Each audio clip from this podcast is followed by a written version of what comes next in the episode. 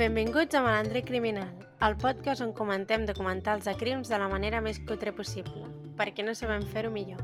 Jo sóc la Carla. Jo sóc la Marta. Jo sóc la Clara.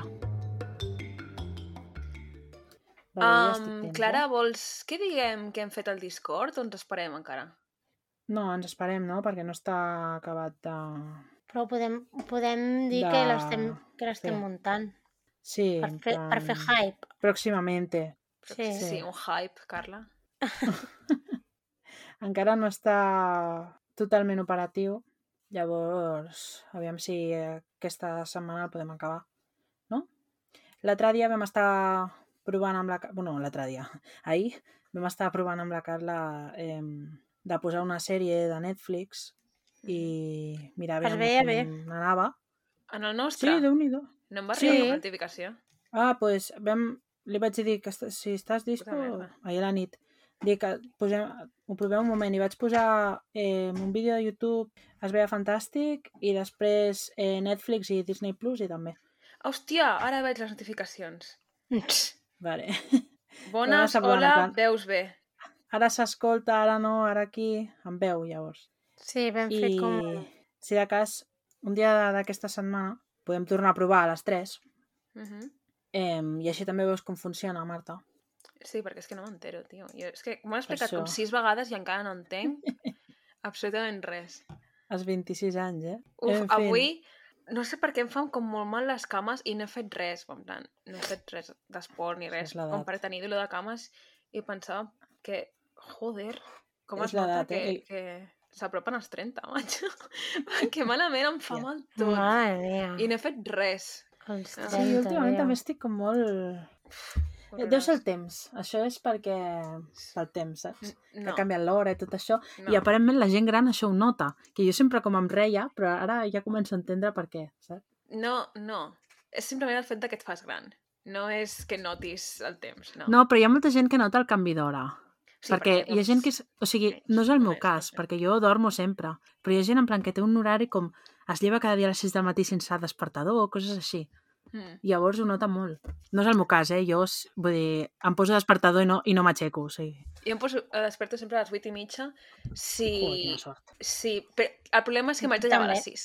O sigui, el meu cos ah, sol vale. es lleva a les 8 i mitja. Vale. Però m'haig de ficar a despertar perquè m'haig de llevar a les 6. Pues jo em desperto a les 7 perquè no me queda de otra, en plan, per a fer el dia a dia, però el meu cos es lleva a la 1 saps? O sigui, si jo no em poso despertador, a les 12 estic dormint tranquil·lament. O sigui, i ja puc anar-me a dormir a les 11 o a les 12 o a les 10 de la nit, que em passarà igual, a les 12 de la nit del matí estic dormint. I t'has de posar despertador al cap de setmana? No, perquè... Eh... No, perquè tot. Sí, no, home, clar, o sigui, si em vull despertar, sí, però no m'haig de posar un despertador, m'haig de posar eh, 18 alarmes cada 10 minuts o cada quart d'hora. O sigui, si em vull llevar, per exemple, a les 10, em poso l'alarma a partir de les 8 saps?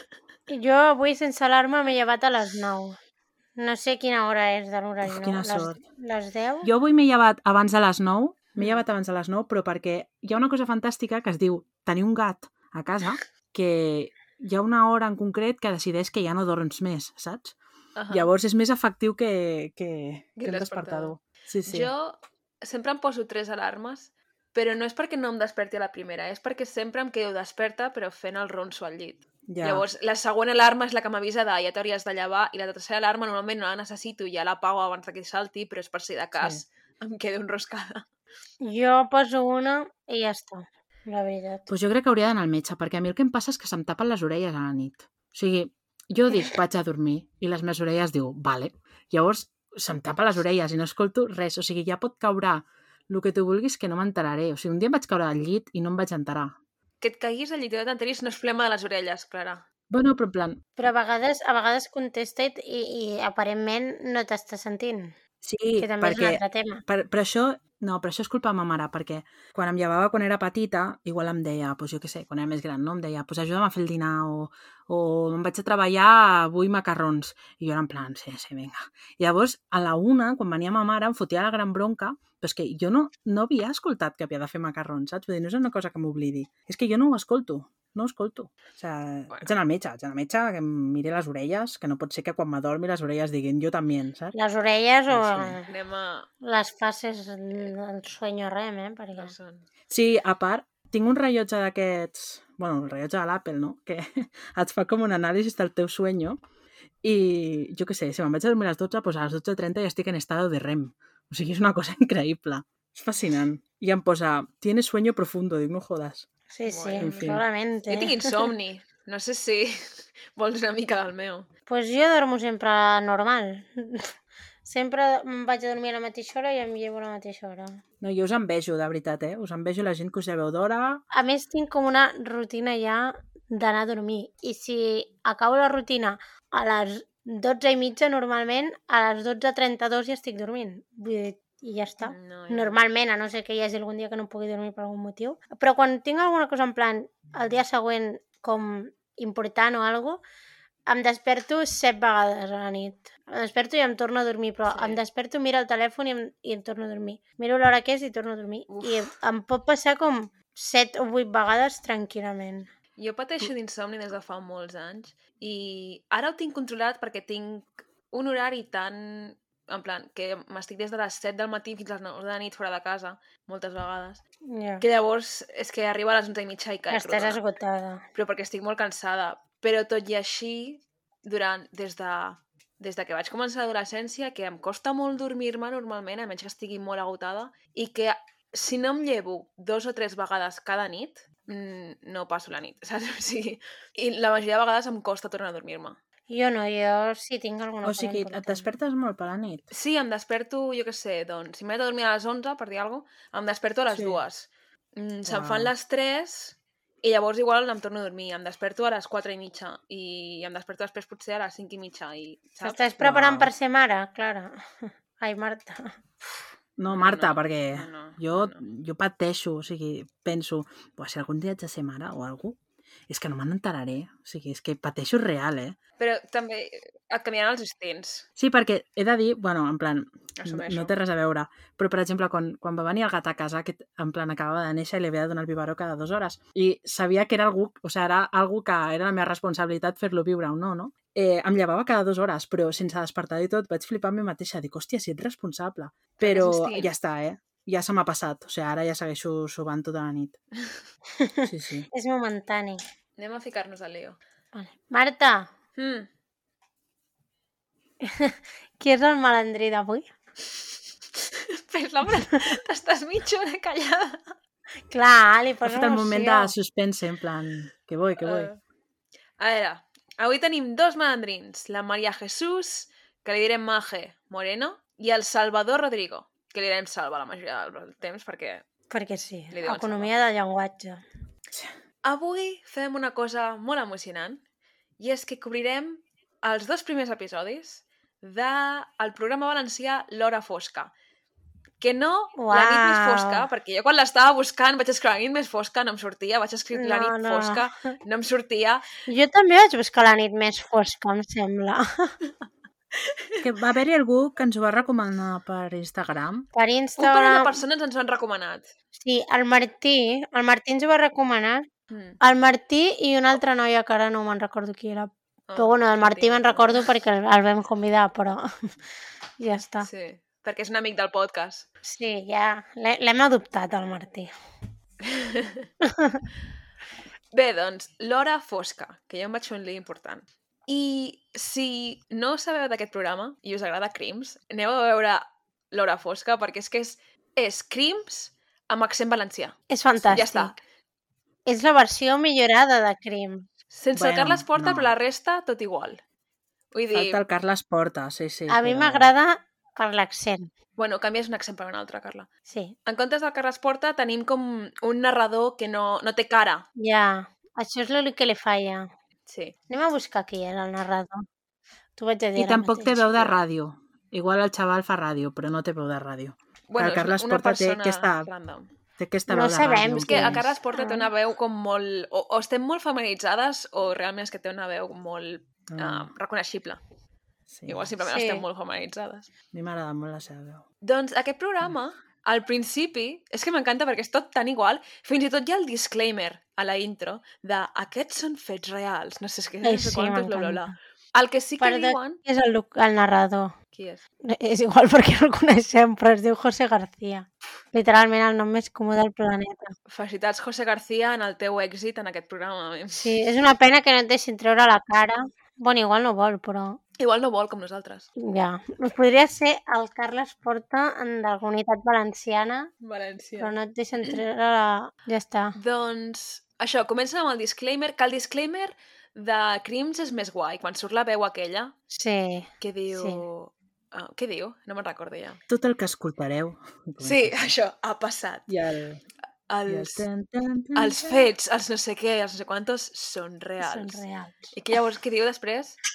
Ara Ah, no recordo. el, La- eh? el crim no entén de sensibilitats, no? No, la així, realitat i la foscor, o alguna així. Ah, no no entenen entenen de sensibilitats. Sí. Bueno, bueno, aquí diuen algunes dramatitzacions poden no coincidir amb la realitat i no ens fem responsable de les opini opinions perdó, dels entrevistats. Que això em va semblar molt bé. Em va semblar molt bé. Sí, de no ens fem responsables de les opinions, sí. Imagina't que et surt un fatxa o alguna cosa i te l'has Bueno. de menjar. Yeah. Que a València és molt probable. Per això. Altres que- similituds. Vinga. Els entrevistats i el plató en els entrevistes és exactament el mateix sistema. És, vull dir, Sí, hi ha aquesta Mateix taula... got com- d'aigua... Mateix got d'aigua, sembla com una sala d'interrogatoris així fosca amb un llum a sobre, és exactament igual. És guai, és guai. També hi ha aquests clips premonitoris, saps? Que fa Imatges crims. aèries, imatges aèries de la ciutat de València i És, és el següent que tinc apuntat, Clara. a l'edifici random de punt. Ai, sí, sí, tinc aquí obert. Sí, no està mirant, no està mirant. Però sí, sí. El que no hi ha és recreacions amb, amb veu, en plan amb els actors. I gràcies a Déu, eh? Amb Perquè... memòria negra. Podria ser Gràcies a Déu. Ei, però fan una cosa molt guai, que no fan a crims i que haurien de fer, Oh, oh, oh. que és que llegeixen en veu els missatges. Sí, Mm, molt sí. bona aquesta. Perquè jo tinc un problema a crims perquè normalment estic fent alguna cosa que no estic mirant la tele, o sigui, és com si estigués escoltant la ràdio. Llavors moltes vegades em perdo informació perquè surten els missatges, saps? Però no tots, eh? En fi. Perquè hi, ha, hi havia els del WhatsApp que no els, que no els llegien, Bueno, molts sí. no? Però els importants Molt sí. sí. Llavors, aquí tenen la seva versió de posar llum a la foscor, però que és una versió molt llarga, que a mi em va fer gracieta, i me l'he apuntat. I diu, la regularitat ens fa sentir segurs i confiats, però sota hi ha un corrent de foscor que pot trencar la normalitat. Aquesta és la seva versió de anem a posar llum a la foscor. Sí, Un 5 justo, eh? sí, sí. sí. sí. És massa llarg. Raspau. Five out of ten would not recommend. No. Llavors, el cas que cobrirem avui és el cas Patraix, que són els dos primers episodis, van fer dues parts. Hi ha poquets episodis de, de l'hora fosca, però de moment recomanem. I el cas Patraix va ser un cas molt mediàtic i a mi em resulta molt similar al cas de la Guàrdia Civil. I he llistat les similituds amb el cas de la Guàrdia Civil. En coses sí, però en, en altres no. Home, clar, hi ha coses que no. La base és molt similar, la base del crim. I us, us vaig a dir les similituds que jo he trobat amb l'altre crim. El crim passa el 2017, per començar, i els que són jutjats són una dona i el seu amant perquè han matat a la parella d'ella. Això és el mateix. Sí, això és el mateix, però tu Les vas dir... proves així són... Que... Bueno, segueix, segueix. Com que jo et vaig dir? No, perquè tu Què vas dir dir, ens vas explicar eh, moltes de les, sim... o sigui, la- aquestes similituds abans de veure el programa, llavors, clar, jo em vaig quedar amb la idea que seria com més semblant, però hi ha coses, o sigui, és bastant semblant, però hi ha coses que no me les esperava i que varien, bueno, que canvien una mica. Home, clar, és que, Carla, no, és exactament el mateix crim. No, ja ho sé, però jo me l'esperava més semblant. És que no són guàrdies civils, ai, guàrdies urbanos. Això ja ho sé. Però la base, o sigui, si ho redueixes el que és, la base és la mateixa. Tens això. Per mi és millor. E- És molt bo, realment és molt Per bo. mi és més cruel millor. en algunes coses, però sí, bueno. també. Bu- Bueno, bueno. A a més a més, les proves són majoritàriament missatges i escoltes telefòniques. Això és molt similar al cas de la Guàrdia Urbana. La motivació del crim és passional i, i sexual i és molt morbós el tema. Ella, la, la Maje, vull dir, és un personatge equivalent al personatge que és la Rosa Peral. Vull Uf, dir, no sé, perquè la Rosa Peral és... és... jo crec que serien amigues. Sí, Vull dir, sí, Per mi, Es porten No un sé. rotllo similar. sí. per mi com a fem fatal, la imatge aquesta és molt millor la Maja que la Rosa Peral. sapigueu. Bueno, perquè la Rosa Peral hi ha coses que no quadren de fem fatal, però aquesta és total. Sí. A més a més, de pel mig hi ha un judici moral sobre la vida eh, sentimental i sexual d'ella. I fan mm. les mateixes comparacions de la viuda negra i els mitjans estan com molt centrats en la vida sexual d'aquesta noia. Això també passa amb la Rosa Peral. I sí. la última similitud és que el judici es fa en temps de Covid. És que van ja, mà a mà aquests sí. dos casos. Vull dir... Sí. Per si algú s'havia quedat amb ganes de més. Clar. Jo quan vaig començar a veure vaig dir, hòstia, Guàrdia Urbana 2.0. Després, quan el mires sencer, hi ha moltes altres coses que són diferents, òbviament, però no sé, és curiós. Sí, sí, és bastant semblant. Anem a posar-nos a lo que és el cas i el documental. València, 15 d'agost del 2017. Us vaig explicar una mica qui són la Maje i el seu marit, l'Antonio. Vale. La Maje i l'Antonio són un matrimoni que viuen al barri de Patraix, a València, no? Jo no he anat mai a València. Molt bonic, València. Però ells no són d'allà, ells són originalment d'un poble que es diu Novelda. Així, ells els dos són d'allà. Té un nom com molt medieval, aquest poble, és mac. Bueno, es queda dir que els pobles de València tenen noms així raros, eh? Llavors, en aquesta època, el 15 d'agost, ell, que és enginyer, està de vacances. És com el seu últim dia de vacances, no sé què, i ella és infermera i treballa de nits. Bueno, algunes nits. bueno, sí. De cop, un dia, algú truca a la policia, informa que s'han trobat un cos en un garatge de, del barri de Patraix. I la víctima és l'Antonio Navarro, el marit de la Maje, que té 30 anys. I la primera teoria és un robatori que ha sortit malament i que l'han apunyalat. I aquí surt...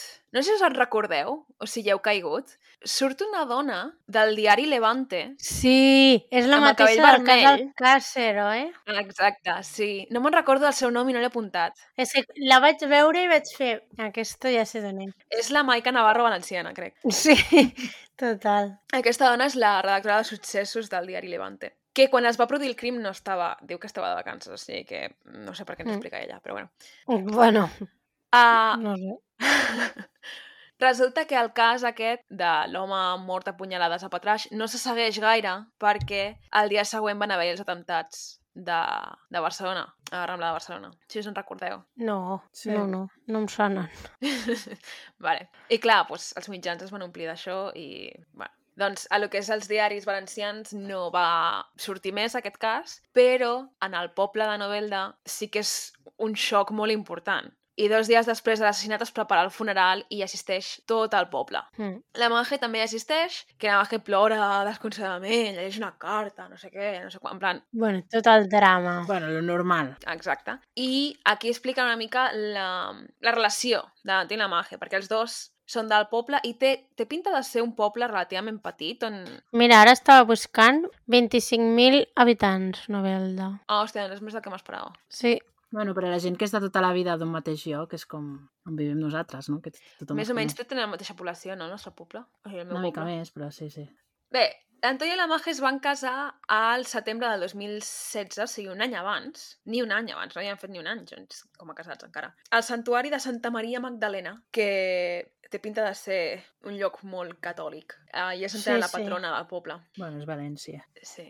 Uh, el casament és molt sonat al poble perquè els dos són com bastant coneguts dins del poble, especialment ell, que ell era com molt popular, tenia molts amics, era molt extrovertit, a més, diuen que és molt més alat al poble, que visitava molt més sovint, que feia més vida allà i que, bueno, en plan, l'alma de la fiesta. I ella, en canvi, és més introvertida, d'una família molt religiosa i una família molt estricta. Mm. I llavors, quan es casen, es muden a València, marxant del poble. Ell té feina d'enginyer en una empresa X, una empresa bona, i ella és infermera en un hospital catòlic. O sigui... Que és una mica random, això.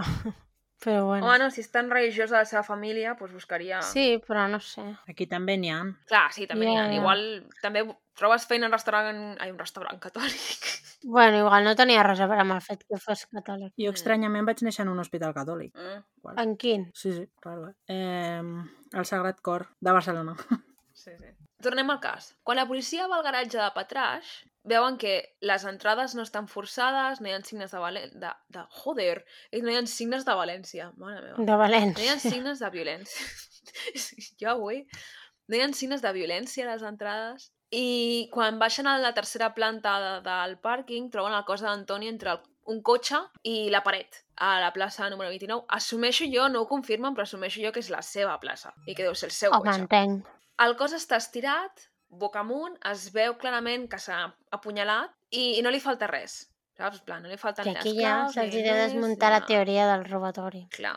Mentrestant, la Maje està a dalt amb unes ambulàncies, està molt nerviosa, diu que porta tot el dia enviant-li whatsapps al seu marit, també similar a... Sí, sí, com això és el que anava a dir.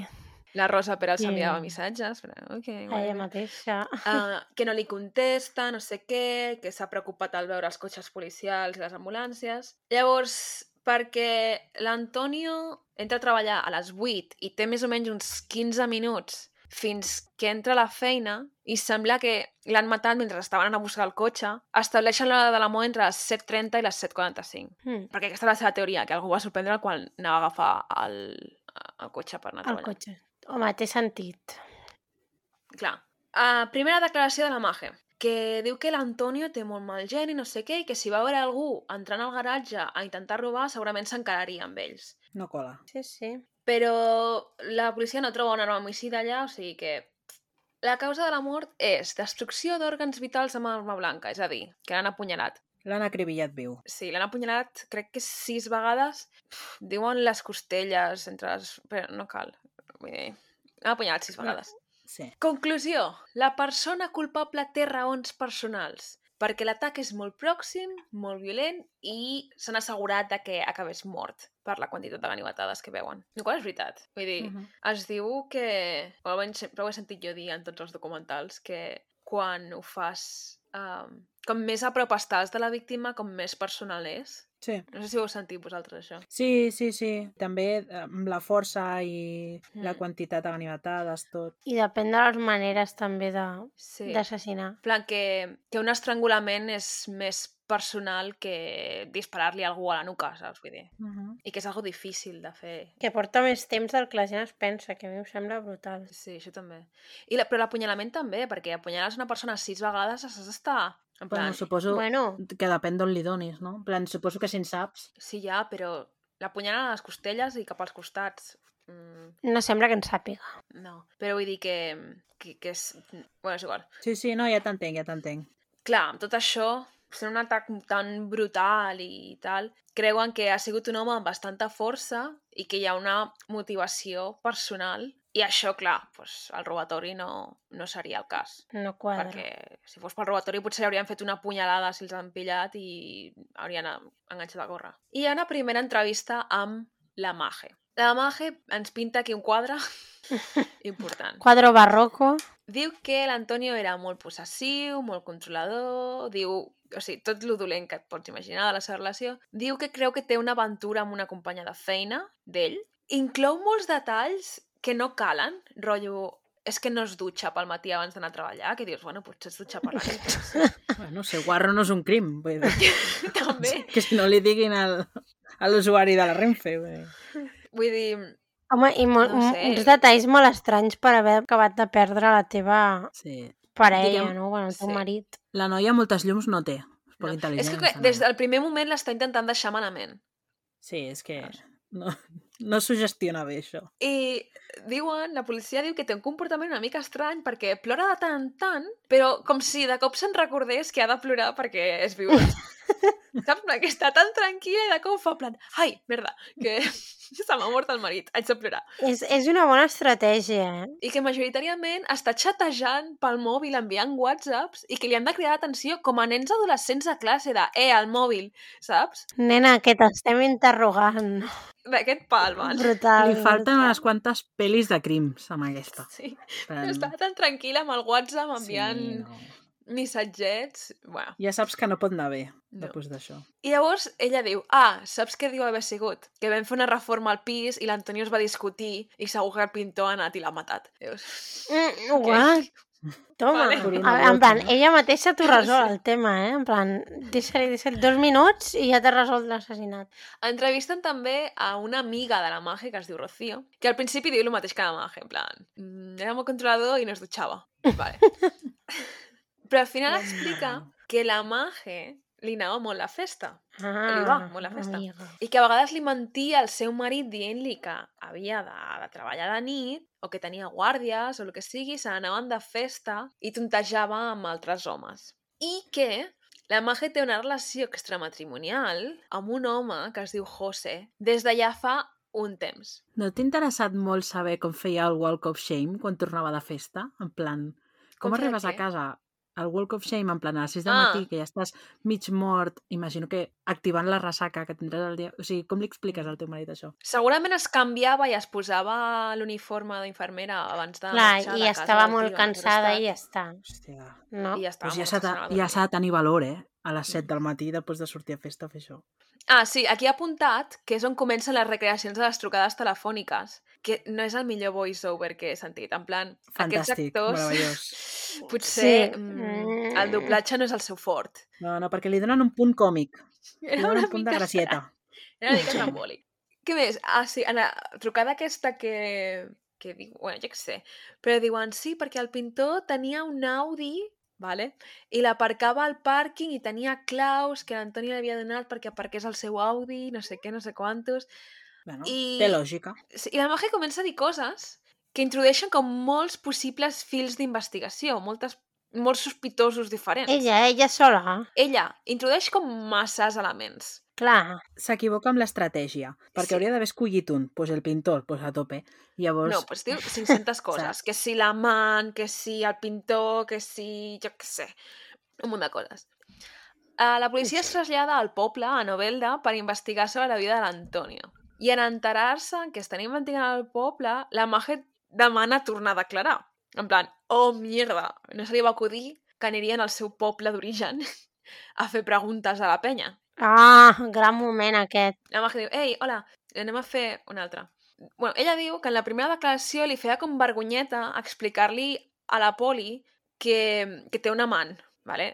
i que per això no li va explicar que, que tenia un amant, perquè li feia vergonyeta. comprensible. Normal, normal. I la poli amb una cara de... Oh, A més que tenir un amant tampoc és tan cri cap crim. Vull dir, eh? Home, La legalment no. Matrimonis d'aquest... Home, com la meitat de matrimonis d'aquest país, no anem a ser hipòcrites tampoc. No, no, però dic que legalment no és un crim, però moralment... Pues... Però és que si a més a més li amagues a la policia que tens un amant i després ho descobreixes, l'únic que fas és semblar sospitós. Ja, però bueno, però això fins a cert punt també pot entrar dintre de la normalitat, no? Bé, Bueno, clar, jo no sé, no soc poli, però una dona que se li acaba de morir el marit en estranyes circumstàncies i tal, que primer no ho vulgui explicar i després ho expliqui, et pot, et pot treure sospita, però que també entenc que pot ser algú que, que una persona sense ser eh, l'autora del crim ho pogués dir, saps? Sí, No sé si m'explico. És possible, suposo. En que és algo a mirar, no? Però que ta- també entenc per què no ho diu. Sí, en el cas sí. que ho digués per lo que diu ella. vaja. Sí. Home, No però cas. Des del punt de vista de l'investigador, imagino jo que si després descobreixen que tens un amant, el primer que faran serà mirar com a clar, possible. clar, clar. Sí, sí, total, total. Bueno, explica, els explica la policia que uns mesos abans de casar-se va tenir una relació amb un noi que es deia Tomàs i que l'Antonio els va pillar i que la boda quasi ni se celebra per culpa d'aquesta infidelitat, però que l'Antonio la va perdonar i es van casar. Però que ella realment mai, bueno, mai va com deixar d'enganyar-lo. Perquè ara es veu amb un noi que es diu José, que assumim que l'Antonio no sabia res del José aquest i que, a més a més, el José... No sé si és José o José, crec que és José, perquè ho he apuntat sense accent sempre. Crec que és José. Aquest noi no sabia que ella estava casada. O sigui, aquest xaval ho expliquen en el segon episodi, però Mare aquest xaval s'entera de que està casada quan s'entera de la notícia de que ella ha apunyalat a l'Antonio. És que no Però vull ser jo... diu, no? Sí, després... Sí. No vull ser jo qui torni a treure el tema el tema de l'agenda, però realment, eh? Fascinant. A més, aquesta noia s'afegeix que... Bueno, la Rosa no ho sé, però aquesta noia s'afegeix que treballa de nits. Ja és que fa mandreta, eh, No, el tema. La Rosa es poli. La Bueno. Rosa es poli. El trabajo del poli es muy duro, eh? És duro, és duro. Son noches també. Vols dir? Això diuen, això diuen. A la Poli no li quadren les coses, òbviament, i diversos amics de, del poble de Novelda pues, declaren i diuen que, que l'Antonio no era controlador de la Maja i que a més a més li diuen que, en plan, que, que era un tonto perdut perquè sempre li perdonava les infidelitats, que no només han sigut una, que han sigut vàries i que sempre sempre el perdonava, que el xaval no té... Xaval, bueno, aquest home, no tenia deutes, no tenia problemes de drogues, no havia tingut mai una aventura fora de la relació, vull dir, Que en general era una persona bastant decent, no? un tio relativament decent. Perquè diuen... Sí, això sembla, perquè diuen els amics d'ell. Una setmana després, reben les dades del telèfon de l'Antonio i veuen que al WhatsApp, un mes abans de, de la seva mort, hi ha uns missatges en què ell li diu a la Mage que s'han de replantejar la relació perquè el que tenen en aquell moment doncs, no és el que ell vol d'una relació, que no vol estar amb algú que li menteixi, no vol estar amb algú amb qui no pot confiar i que no vol estar amb algú que le ponga la mano encima, o sigui, insinuant que ella l'ha pagat o sigui, amb que és ell. ella, Uh -huh. que el pega. Clar, aquí hi ha una referència a violència domèstica cap a ell, Uh -huh. que ell no ho vol, això, que ell no vol estar amb algú que se senti amb la llibertat de fotre-li d'hòsties. Uh -huh. Però no troben res més, a part d'això. I se centren a anem a investigar aquestes relacions extramatrimonials de la màgia, a veure si ha sigut un amante celoso o Bandido. alguna cosa. Descarten el Tomàs, que és el, el noi amb el que va tenir l'aventura abans de casar-se, perquè fa molt de temps que no tenen contacte. I es centren en el José, que és el nòvio actual, i demanen permís per intervenir al telèfon de la Mage i del José, que creuen que la Mage potser ho hauria organitzat i que el José seria el sospitós, o sigui, l'automaterial. Ells creuen que podria ser l'automaterial. Sí, perquè diuen que ha de ser un home, no? O que suposen que és un home. Sí, creuen per- que per la força per la i la brutalitat força. hauria de ser un home. I perquè l'Antonio, vull dir, és un tio... Bueno, no, no diuen que fos molt fort o, o poc fort o molt prim, o... Bueno, però deien Ja. que era esportista, en plan però que... sí, però que estava pues, sa i, i Que està en en forma. en forma, això, gràcies, que estava en forma, sí. Bueno, els primers dies que els escolten, quan parlen per telèfon, ella està com molt afectada, no sé què... Bueno, l'escolten amb ella totes les trucades que té. I, però diuen que depèn una mica de la persona amb la que parli. En plan, parla amb sa mare i està com supertrista, però llavors parla amb una amiga i està de jijaja. I llavors parla amb X i estan planejant de fer un sopar. Jo què sé, coses així. Ja. I a més que es diuen que se li passa bastant ràpid, no? Sí, perquè un mes després ella se'n va de festa a Alacant. De tranquils. Del chill. Sí, literalment se'n va de festa amb una amiga, suposo que a la camp, doncs igual se'n van de cap de setmana o alguna I a base d'escoltar-les fan una mica mm, una idea de la personalitat de la Mage. I surt un, un psicòleg, crec que és, dient que la Mage el que fa és com compartimentalitz... compartimentalitza dues vides. No. No, no ho he dit bé? Sí, No. Com és? Compartimentalitza, no? Compartimentalitza, és el que he dit? Ara. ha dit És això. que ho estic llegint. Clara has left the chat. cri, cri, cri. vale. Bueno, això, No és que té com criminòleg, dos vides el que separades. sort. Ah, igual és criminòleg, no ho sé el que és. Que, per, que aquest senyor eh, hauria de- d'escriure històries, eh? Perquè, madre mia, tu, en plan... És molt has vist? I com parla? Ok. Porque Jo la molt fan. ninfa i la diosa del amor, Molt no fan. sé què. Però Molt és que, fan, o sigui, literalment que aquest senyor ho deixi i, mentales. i, i que es dediqui a escriure llibres, eh? En plan... Sot unes pajas mentales importants. No, no, és, és molt dramàtic. Però, bueno, doncs aquest senyor diu que hi ha, per una banda, la vida que vol i la vida real. Que la vida real és tinc un marit que s'ha mort o que l'han bueno, que matat, però la vida que vol és anar de festa, tornar-se boja i anar de... Bueno, De subidon. vivir la vida loca. Perquè ha tingut una infància molt reprimida. Bueno, Perquè sí, és catòlic. Però, exacte, perquè el catolicisme no ha portat mai res de bo. Exacte. Mm, no. Però bueno, pues això és el que explica aquest senyor, que és com que porta una doble vida en aquest sentit, però en el seu mateix cap, saps? És com si portés aquesta doble vida. Uh -huh. Mentrestant, la família d'Antonio s'encarreguen d'arreglar papers... No, el que fas després de que es mori algú. Arregles papers, eh, parles amb asseguradores, amb bla, bla, bla, bla, bla. I tot això inclou inclou assegurar-se de que la Mage cobrarà la viudetat. Mm. Però Sí. I el seguro de Santa Lucía. I el seguro de Santa Lucía, que per cert, a casa meva també estem assegurats en Santa Lucía, Va bé saber-ho. està Va bé? bé saber-ho. No els hi mola, a la família no els hi mola que ella estigui com molt insistent i que de seguida s'interessa molt per cobrar l'assegurança de vida i co començar a cobrar la viudetat. No els hi mola. I clar, això quan ho expliquen a la policia, doncs els hi fa pensar, mm, potser hi ha un motiu econòmic, potser l'han matat per l'assegurança de vida. Mm, Que podria ser una opció. Sí, és... no és que no sigui comú, això. Vull dir, He de dir que no seria massa original, no, però és algo que passa. És però passa, passa. part de la vida. Sí. Durant setembre i octubre analitzen totes les trucades entre la Maja i el José, però no troben absolutament res interessant. El que sí que hi ha interessant és que aquí hi ha un tall a la declaració del José durant el judici, que explica que la nit del 15, que és la nit anterior al crim, La. Maje va dormir a casa seva, Sí, a casa del José. a casa del José, quan el José no sabia que estava casada. I que al cap de tres dies, que això ho hem comentat abans, al cap de tres dies, ella li explica que està casada i que havia matat el seu marit, o li diu algun plan, llegeix el diari o alguna cosa així. Eh, le digo, mira, José, un detallito. que estoy casada y me la han matado. El tio flipant. Sí, Però sí. no, no és aquest el que li explica lo del càncer? O és un altre? Mm. No, és un altre. Ah, ostres, és que ja m'he perdut. És que també és increïble. Aquest li diu que la policia està investigant que el mateix grup terrorista que va fer l'atemptat a Ah, sí, Barcelona sí, sí, és hagi veritat. matat a l'Antonio Oh, tant, perquè tant. estaven intentant robar un cotxe. A l'Antonio només. Sí, no, perquè havien entrat justament al seu garatge per robar un cotxe per fer un atemptat similar a València. Hauria sigut un atemptat bastant fallit amb una víctima només, també t'ho dic. Que no, que aquest no és atemptat. Estaven intentant robar un cotxe per fer l'atemptat a la Rambla de Patraix. Ah, Si és que hi ha Rambla, no ho sé. Marta, a la Rambla. he de compartir un detall amb tu.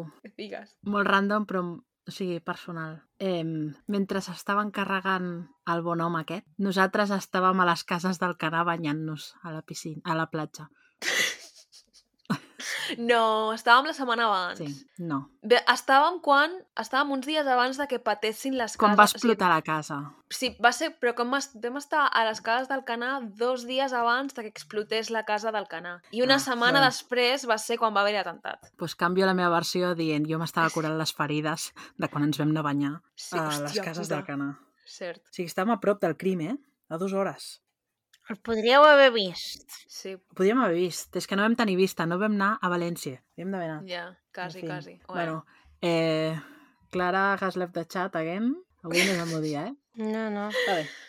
Uh, tres mesos després del crim, la investigació arriba a un punt mort, no saben per on tirar, i llavors, així com caiguda del cel, hi ha una trucada. I aquesta posen la trucada real, posen la gravació de la trucada real. O almenys ho Em sembla. comparat amb- encantat, eh? Les trucades reals. Sí, És, era com molt raro, perquè era com que estaves escoltant... Sí, perquè era com que estaves escoltant una cosa com Ja. que, que se suposa que no has d'escoltar, saps? Estava ja com exacte. mm, super incòmoda, com si no puc... Saps? No sé, ha sigut super raro. Com que estaves violant la intimitat d'algú, oi? Sí, sí, total. La trucada és d'un tal Salva, que en aquest moment ningú sap qui és el Salva, però es donen compte de que estan parlant en clau de l'assassinat de l'Antonio. Perquè el Salva està, el està molt dramàtic, el Salva, vale? en aquesta trucada.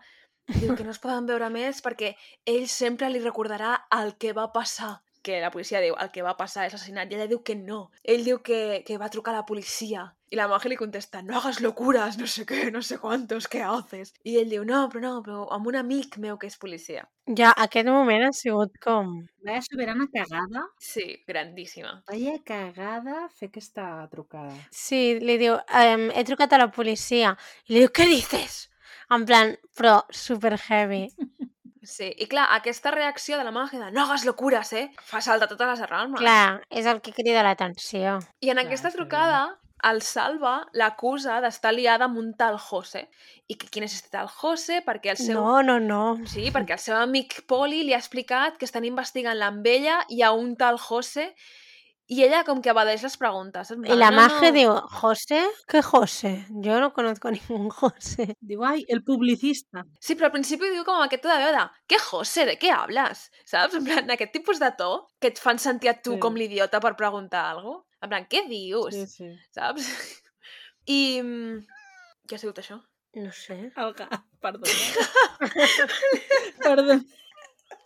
Perdoneu. ¿Qué haces? No.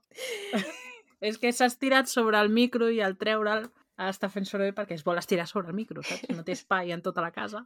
Perdoneu, perdoneu. Um... Bueno, doncs ella dedueix que...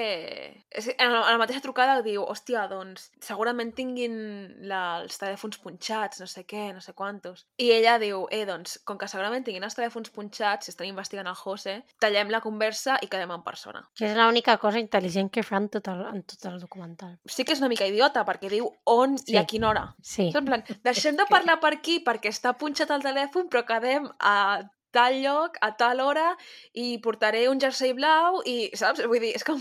A més, a més és que comença en clau perquè diu, quedamos en el sitio del otro día. I llavors diu, sí, la escalera està de abajo que... I en plan, tio, no ho expliquis tot, és que només li El falta bar de donar la la de tu casa... Sí. Sí, el bar este, ¿te acuerdas de las tapas? No, tio. Llavors, clar, la policia diu, bueno, pues, sabem on i quan, pues anem cap allà. I en, ensenyen unes fotos d'ells dos al bar on han quedat i pues, saben qui és el Salva. El Salva és un senyor bastant més gran que ella. I, I, a més a més, com molt diferent físicament al perfil amb el que la màgia acostuma a liar-se, perquè tant l'Antonio com el Tomàs com el José aquest tenen una mica el mateix perfil de jove, atlètic, guapet, Aquí em fa paneta. aquest, sí, aquest senyor, doncs no, cap de la... no cobreix Per- cap d'aquestes Estan dient criteris. això i l'enfoquen a ell, l'enfoquen a ell al Sí, judici. durant el judici, I sí. està tristot perquè li diuen que no és que és feo. Li va fer paneta. Bueno, pena relativa, perquè... Sí, perquè ha Sí, matat no, a algú. mi sí, a mi sí. Em dic, ai, pobre. Llavors, clar, com que el Salva diu és que un amigo mío que és policia me ha dicho, clar, la policia està en plan, mierda, Ojo, que tenim aquí... ojo, caporal. El topo! Exacte. Que aquest tio, d'alguna manera, li estan donant detalls sobre una investigació que suposo que hauria d'estar sota, sumari. No puc. I ell, el Salva, li està proporcionant informació sobre la investigació a la Mage, que és qui estan investigant. És fantàstic. O sigui, No puc. és un follon.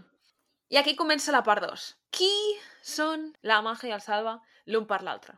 Són companys de feina, ell és auxiliar d'infermeria, està casat des de fa molts anys, té una filla, que té pinta que la filla deu ser adolescent.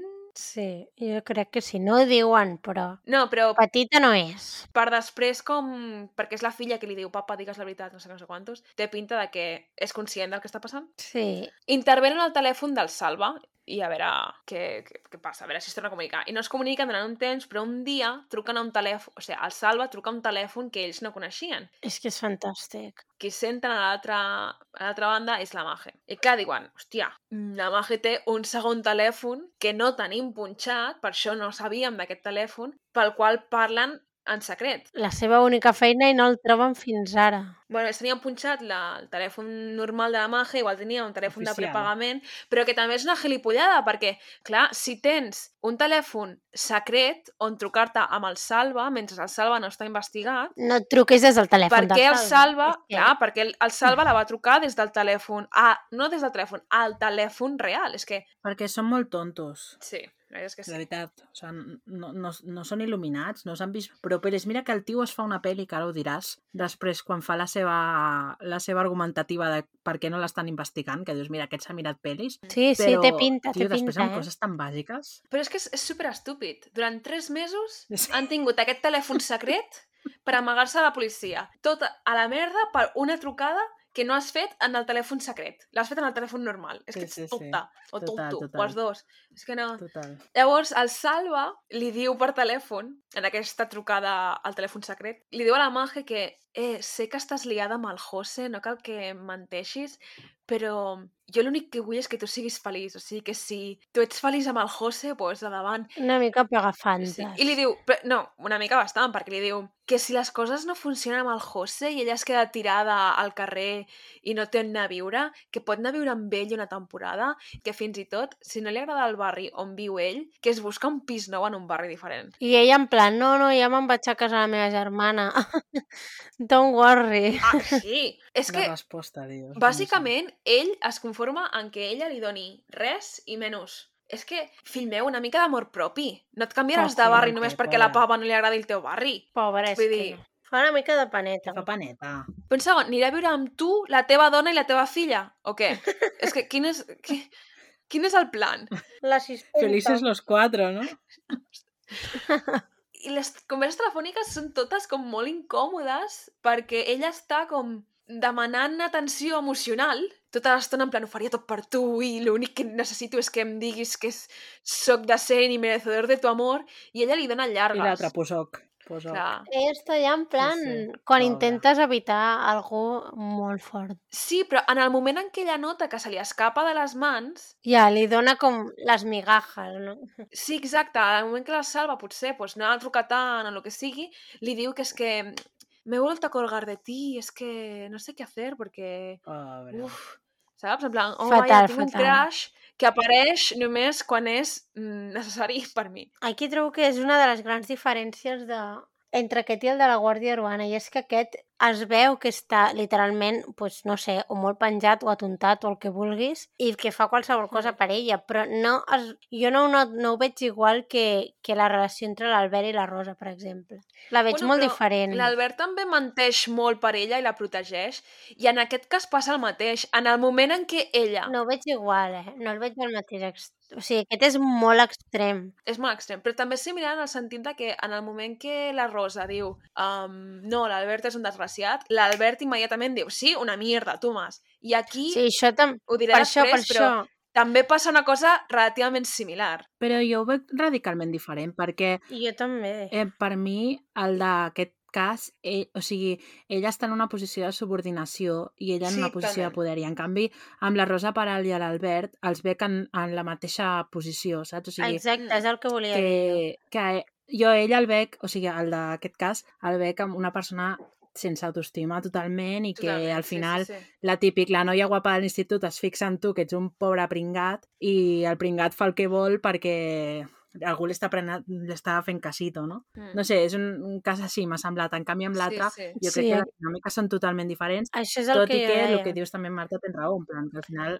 menteixen un munt els dos, un per l'altre, però crec que... Però és o sigui, diferent. no l'excuso, però no l'excuso, però sí que veig, per exemple, que estava molt controlat per ella, no? El... Sí, en, sí, aquest, totalment. en aquest cas es nota molt més tota aquesta, aquesta I relació. també hi ha una cosa rara, hi ha una cosa rara en aquesta relació, en el que hi ha moments en què el Salva té aquest rol sumís, però a vegades es com... Com molt paternalista. fa com un rol una mica també paternalista, sí. En plan com de jo et protegiré, jo et cuidaré... O sigui, sí, però crec que és més, en el cas, de, en el cas aquest, és més ell intentant impressionar amb ella perquè ell sap que ell no li pot donar físicament o, o, no pot igualar-se a ella en aquest sentit, no? Llavors Sí. es, uh, és tan devota a ella per poder-li compensar eh, Sí, sí. aquesta altra part, no? En canvi, crec que l'Albert és, és una, una personalitat totalment diferent de Sí, macho òbviament. alfa, no? O sigui, que els Sí, sí, dos sí. van a protegir a la mateixa persona, però l'origen és totalment oposat. No sé, Sí. no sé si m'explico bé. Sí, sí, totalment, perquè tot i que odio aquests conceptes, perquè no són conceptes reals, uh, tens l'Albert com a macho alfa i aquí tens un macho beta. Vull dir, Sí, plan... per dir-ho així... Sí, sí, totalment. mm, Sí, sí. Vull dir, sí, sí, sí, totalment. Aquest home no anirà de machito Sí, els dos maten per amor, eh, no? i protegeixen a l'altra persona per amor. Sí, però la motivació és totalment diferent. Sí, o una versió mm, retorçada de l'amor. Sí, totalment. Sí, però la, o sigui, el punt de partida és totalment diferent. Sí, sí, sí, perquè les personalitats són diferents. Però que, tot Sí. i així, la, les bases del crim, o sigui, l'esquelet, diguéssim, del crim Sí, eh, és veam, molt similar. Vull Sí, dir, sí, dos hombres y un mismo destino, sí, sí. bueno, muchos hombres. Vale, seguim. Al desembre del 2017, el mateix any, encara estem, la policia aprofita una reunió entre el germà de l'Antonio i la Mage per parlar del tema de l'herència. O sigui, li diuen al germà d'Antonio que digui certes coses a veure com reacciona ella. I li donen informació falsa al germà. I li diuen que... Um, què li diuen? Ah, sí, li diuen que tenen sospitós, que aquest sospitós té nom i cognoms i que estan preparats és per veritat. detendre el sospitós. És veritat. I l'Antonio li explica a la Maja, en plan, m'ho ha explicat la policia pel tema assegurances i tot això. Perquè fins, suposo que fins que no... Es, no ho sé exactament com va, però assumeixo que fins que no es tanqui el cas, no et donen la, el seguro de vida, en plan, no et donen els diners. Home, no. té sentit, Clar. perquè visto lo visto. I immediatament ella truca al Salva dient-li, hòstia puta, que tenen sospitós, que tenen nom i cognoms, que el cas està pràcticament tancat, i com que, que està molt preocupada perquè els hagin enganxat. I ell li diu que, que no es preocupi, que està convençudíssim de que és que no és ni sospitós, ni l'estan investigant, ni res. I que, que ja quedaran al cap d'uns dies. I queden el dia 2 de gener, que això és una mica random. Em pensava que aniria per una banda i va anar per una altra, però el Salva arriba davant del lloc on han quedat i s'asseu en un banc i s'espera. Abans d'hora. Sí, abans d'hora. Crec que han quedat Home. davant de la feina. de ser. La màgia arriba amb el seu cotxe, aparca, no li diu ni mu És tan random. i entra a la residència de monges de l'hospital, on no estan treballant els dos. I el tio agafa, que deu tenir claus. O igual la Maje deixa les claus posades, no sé. No s'han dit ni una paraula. Es puja al cotxe de la Maje, ma, sí, de la Maje, marxa, el porta a un túnel de lavado, el Fascinant. neteja, li entra al pàrquing del centre comercial davant d'on treballen i li aparca. I llavors ja, més tard, es troben en una cafeteria dins del, del centre És que- comercial. ¿En qué momento? Però jo suposo que era per treure-li per treure el micro, no? ¿Qué? Que, però no ho diuen en cap moment que tingués un micro al cotxe. Ja, però no ho he entès així, o sigui, eh, en plan el raonament d'ells, tipus, vale, com tindré el, el cotxe eh, amb GPS o el que sigui, allò que et segueixen, no? com les pel·lis. Plan, que No ho diuen. Un... L'únic que diuen és que sospiten que tenen el telèfon punxat, però de resta no diuen res. Sí, però és, jo crec que és, o sigui, és molt random que li agafes el cotxe i vas a rentar-lo. No, jo ho he interpretat més com que ell li fa les coses en plan mi siervo. Mm, Jo, he, jo m'ha vingut al cap això, dic, mira, que hauríem posar-ho el cotxe de rentat per o fer una trucada a dins o eh, treure-li el GPS barra micro, el que, tinc, el que No, jo, que jo ho he interpretat com és comú pel Salva que li faci recados random Sí, de fet ho diuen, no? en la seva posició de sumís que Sí. ell li fa recados Jo no, random. jo, I és com ho he jo he interpretat. pensat malament. O sigui, jo ho faria, o sigui, jo si hagués Clara, matat no algú, estan faria tan això. avançats, no estan tan avançats. Però si no, no creuen ni que els estiguin investigant. Sí, és que, Clara, si ell no pensa ni que l'estiguin investigant, pensaran que li han punjat el... No, però a ella sí, Ja, bueno. ella sí. No li doneu suficient crèdit al Salva. No, Perquè no el mereix. clarament. Uah, Carla, he posat neteja, N-A-T-E. Sí, jo ho he vist i he pensat, "Hòstia, El què? On de ho has veure. el catarrà posat? correcte, el catarrà correcte passa, eh? neteja, N-A-T-E. Ah, sí, bueno, jo ja, ja, no els, ja no els miro, Marta. No em surt com a Això, vermella, eh? Viure tan a prop de Barcelona és el que passa. Que no fem màtones, no m'han dit? Sí. El català correcte no el sabem parlar. No. No el passem Però bueno. perquè no podem, que si no... Ni escriure, per mi. Escriure'l. No, jo escriure'l sí, eh? Però parlar-lo no, no Perquè gaire. ara mateix estic davant randommente de la declaració del Salva que tens aquí escrit i m'estic pixant de riure amb una frase que escric? posat aquí. Quina declaració del Salva. Sa, li, a, a, amb accent, a, espai, Hòstia. podeix, que, que, Ah, espai, i tot junt. Matar Antoanio. ok. Però on està És que això? ho estava... Més Ah, més baix. avall. Ho estava escrivint mentre, mentre veia el documental, llavors hi ha coses que A més, an que... Antoanio sí, amb Sí, accent i tot, eh? Cuidao. Sí. Sí, o sigui, s'ha molestat a posar a l'accent, a, a la Bueno, un accent random. randommente, que dius... Però per què he posat Antonio Sí, amb perquè... accent? No, i per què has posat una A? I per què has posat Antoanio? És que... Matar Antoanio. Tot junt. I la A majúscula, d'Antoanio, Sí, cuidao. sí. No vaya a ser. Aquí hi ha prioritats, nena. Prioritats. Sí, Sí, sí, correcte, sí. o no? És un nom propi. Tens tota la raó del món. Tens un aprovat en alemany. En fi. Ah, espera, que estic plorant. vale, aquí això sí que... eh, Això és més endavant, eh? Seguim amb lo del cotxe. Sí, sí. Els hem rentat el cotxe, vale. Aquí, això sí que és una mica com de pel·lícula, perquè un policia va a la mateixa cafeteria i s'asseu a una taula de distància i grava la conversa Amb el i telèfon. se sent molt bé per estar gravada en plan una o dues taules més enllà amb el mòbil, bueno, suposo que és un mòbil, a sobre la taula així... Pues jo he pensat que no sentia una puta merda, però bueno. Home, però una És que cafeteria la policia que se tiene sus senti... recursos, eh? que no se sentin altres converses Ja, però no hi havia No molta sé. gent, tampoc. o, o que soroll, que estan en un centre comercial, saps? No sé. Bueno, en aquesta conversa que tenen a la cafeteria, ell li torna a assegurar que no passarà res, no sé què, comencen a parlar en clau, es posen d'acord en la història que han de dir per si la màgia ha de tornar a declarar, i aquí aparentment m'he quedat a mitja frase, perquè posa treu perquè, Per què? Eh? Eh? perquè, sense l'última... Eh? ok, vale. Bueno, pues això, diuen això, i després se'n van, cadascú al seu vehicle, sense dirigir-se de paraula altre cop, i se'n van.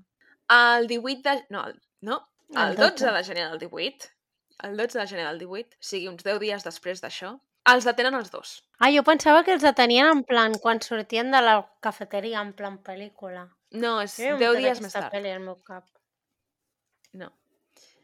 Quan detenen el Salva, ella explica que en realitat ningú de la policia li va explicar res sobre el José, que no coneix a ningú que sigui policia, sinó que quan el José va reservar uns bitllets per fer un viatge a Itàlia amb la Maje, va enviar els bitllets per correu. I ella, la Maje, va obrir el seu correu electrònic a l'ordinador del Salva i se'l va deixar obert, que dius, és que és tonta? Pues sí. No, Clarament. I clar, el Salva va veure el correu i es va inventar aquesta història com per treure-li perquè estava gelós, no sé què, no sé quantos. Els hi prenen declaració per separat. Primer, anem a veure la declaració de la Maje. Tot i que els dos confessen haver planificat l'assassinat entre els dos, ella explica que la seva relació amb el Salva va començar el 2015. 2015! En plan, abans de que es casés. És que... Ja tenia dos Uau. abans de casar-se. Imagina't. I diu que ell està molt enamorat d'ella, però que només són amics, tot i que alguna vegada han mantingut sexe oral. Que sempre ha sigut d'ell cap a ella, però que a ella li fa fàstic. Madre mía. Explica que ella volia divorciar-se, però que el salva l'idea que no es divorcies perquè seria massa problemes i que ja se n'ocuparia ell. I és, és com que ella intenta posar distància en, en plan, com minimitzar el seu involucrament en l'assassinat, dient que, que és que no es creia que faria mai res el Salva, no es creia que fos capaç... Que anava com de farol, no? Una mica. Sí, exacte, exacte. I el Salva declara i diu que ell va ser a l'autor material del crim, és a dir, que va apunyalar l'Antonio, i intenta exculpar a la Maja. O sigui, els dos fan una mica el mateix. Ella per ella mateixa i ell per ella. Llavors, coses que exculparien a la Maje. Que l'Antonio la maltractava. Que ell està enamoradíssim de la Maje i que per això ho va fer per ella. Que tenien junts tota una fantasia de que si l'Antonio s'hagués mort en un accident laboral, tot seria millor que llavors, parlant d'aquesta... Aquí és on surt la frase que deia la Clara, que parlant d'aquesta fantasia de si l'Antonio tingués un accident laboral és quan els hi va sorgir la idea de matar l'Antonio i que Però ell va... com- pronuncieu, pronuncieu com la frase. Se li... Se li ha acudeix que matar Antonio. Antonio, Antonio. Bueno, no sé, whatever. Da igual. Vaig a canviar-ho. no! S'escriureu bé. Se li acudeix matar... No, perdó, eh? però és que em fa molta gràcia perquè Ah. tu has decidit que la paraula Antonio sempre va junt amb una altra cosa, perquè a vegades també ho tens posat. El pobre noi. Vols deixar de mirar per avançat? Això, veus, un dia cobro el drive i les coses que em perdo. Clara, el pobre Antonio. El pobre Antonio. Pareu! Pareu! Ei, però la A en Antonio. majúscula, ojo. Sempre. Vale. Què més? El Salva diu que va comprar un ganivet en X ferreteria i que es va amagar al garatge a esperar l'Antonio, que s'enfrenten, que li recrimina que Al maltracti... Eh? S'apama. S'apama al garatge. Jo no sé com, en plan, com saps el que, el que volies dir? S'apama al garatge. Igual soc dislèxica. No sé, però tu com t'aclares del que vols dir? Perquè una cosa és que et Clarament faci una... m'he menjat una, una A i una. G. Pues ella eh... s'amaga. S'amaga, però posa s'apama. O sigui, literalment. Ah, tanqueu el drive. En su cabeza sonava espectacular. M'esteu deixant fatal. No passa res. I ara crearé complexa. Maje ho escrius en minúscula i Antonio en mayúscules, que no ho entenc. No, la magia La majoria és escrita en majúscula. Hi ha una maje que, ara el canvi, una maje que se m'ha colat. Perdona. Que Un moment, mireu el que acaba de subratllar. El salva i la mujer, En mayúscula, ojo. la en majúscula. Algo dona en majúscula. És igual al què. Ella, primer de primària, va posar atenció un dia i va dir, hòstia, vale. Noms Després majúscula. d'un punt i les paraules... Ai! Ai. Que sou, tio. Molt Bueno, va, va, segueix que no acabem avui, eh? Què estava dient? Ah, sí. S'enfrenten, el Salva li recrimina a l'Antonio que maltracti a la Maje i l'apunyala, que... Una mica random, també. T'ho imagina't que són, que és el primer dia de la feina, eh, són les set i mitja del matí o les vuit, i te'n vas a treballar i et No. diu, oye, tu maltratas a tu mujer, pues puñalada. En plan, que estaria flipant. No sí, pegues sí. a tu mujer y a Antonio, pero si me pega a mí. Bueno, Va morir sorpresa aquest senyor, segur. Segur, Sí, sí, és que pobre, no entenem res. Pobre, a sobre, és que quin, quin mal trago que et matin i no entenguis per què. Clar, Ja, ja, si ja. t'has de morir ja ho saps, doncs vull dir, alguna bueno, En plan, no sé, però si, si saps que la teva dona té un amant i et ve l'amant, doncs saps per què t'està matant, però és que ell no sabia que tenia un amant. M'ho és igual. Al migdia d'aquell mateix dia, el Saba i la Maja es reuneixen al pis de la germana... Clara! Que has dit Saba, no Salva. Merda! Tota sèria. El Saba i la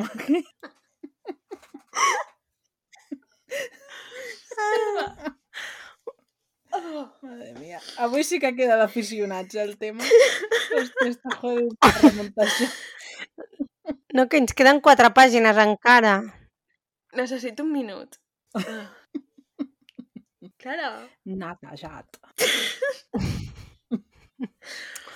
no tornis a obrir el drive en la vida. Ens critiquen amb raó. Ah, ja està. Al migdia d'aquell mateix dia, el Salva i la Maje es reuneixen al pis de la germana de la Maje i el Salva li explica com ha anat el tema. Vale. Un cop estan al jutjat, la Maje canvia la seva versió altre cop, que es veu que és el que li demana, bueno, o que li recomana l'advocada que té. I el Salva també diu que la Maje mai havia estat involucrada, no sé què, no sé quantos, lo, que estàvem dient abans, per protegir-la.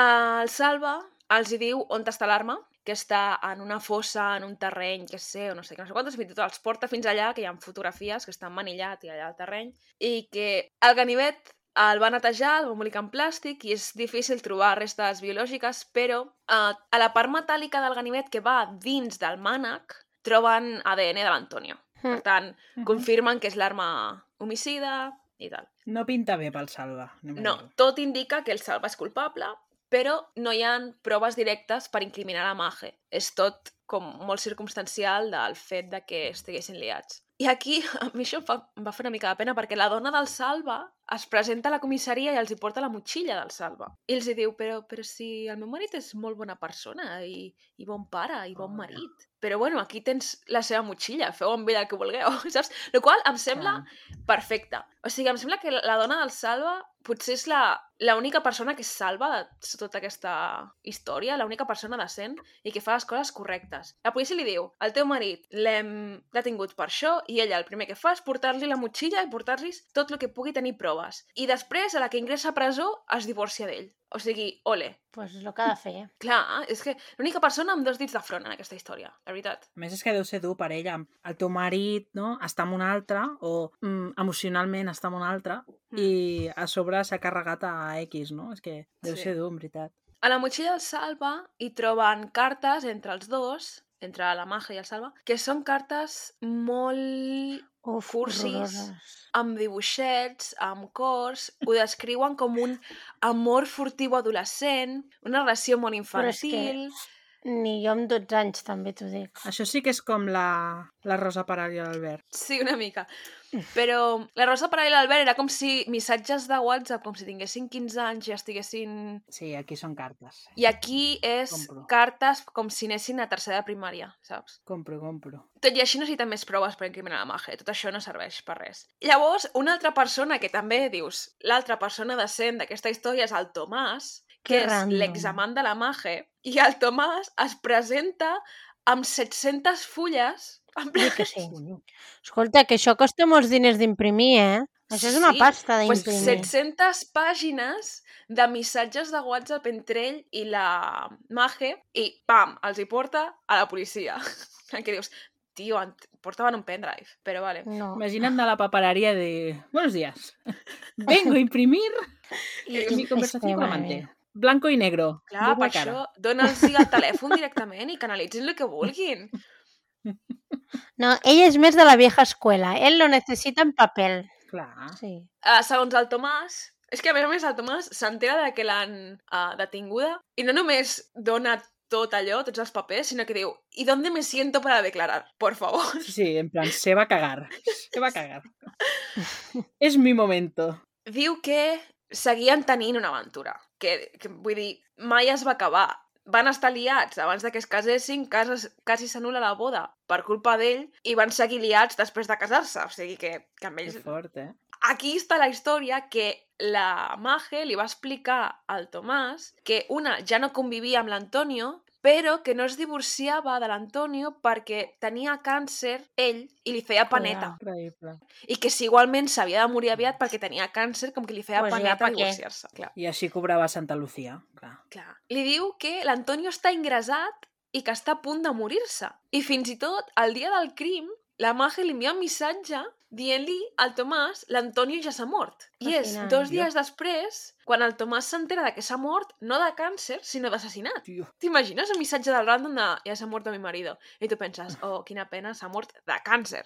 I dos dies després dius, Sí, sí. ah, no, que l'han acribillat a punyalades. Bueno, quina pena el marido de l'amante, també. Vull dir, Ja, però la situació és rara. sí. Sí, sí. Llavors, després de la detenció de la Mage, el Tomàs comença a lligar caps de, a veure, todo es muy raro, i si a sobre la detenen, más raro aún. I comença a buscar les converses anteriors a veure si troba algú. I mm, en els missatges que entrega, les 700 fulles, en aquests missatges es veu com la Mage manipula el Tomàs igual que manipulava el Salva. Però potser el Tomàs no és tan, tan, tan sumís com el Salva. Mhm. Però, però fa servir una mica les mateixes um, tàctiques. Li fa pensar que l'Antonio la maltracta, fins i tot fins al punt que el Tomàs un dia diu és que jo lo mato, és que no sé què. I immediatament el Tomàs diu, bueno, bueno, bueno, no literal, eh? Però bueno. Sí. I ella li diu, és que ho he pensat de matar-lo, no sé què, i el Tomàs li diu, per què no el denuncies primer? Chill.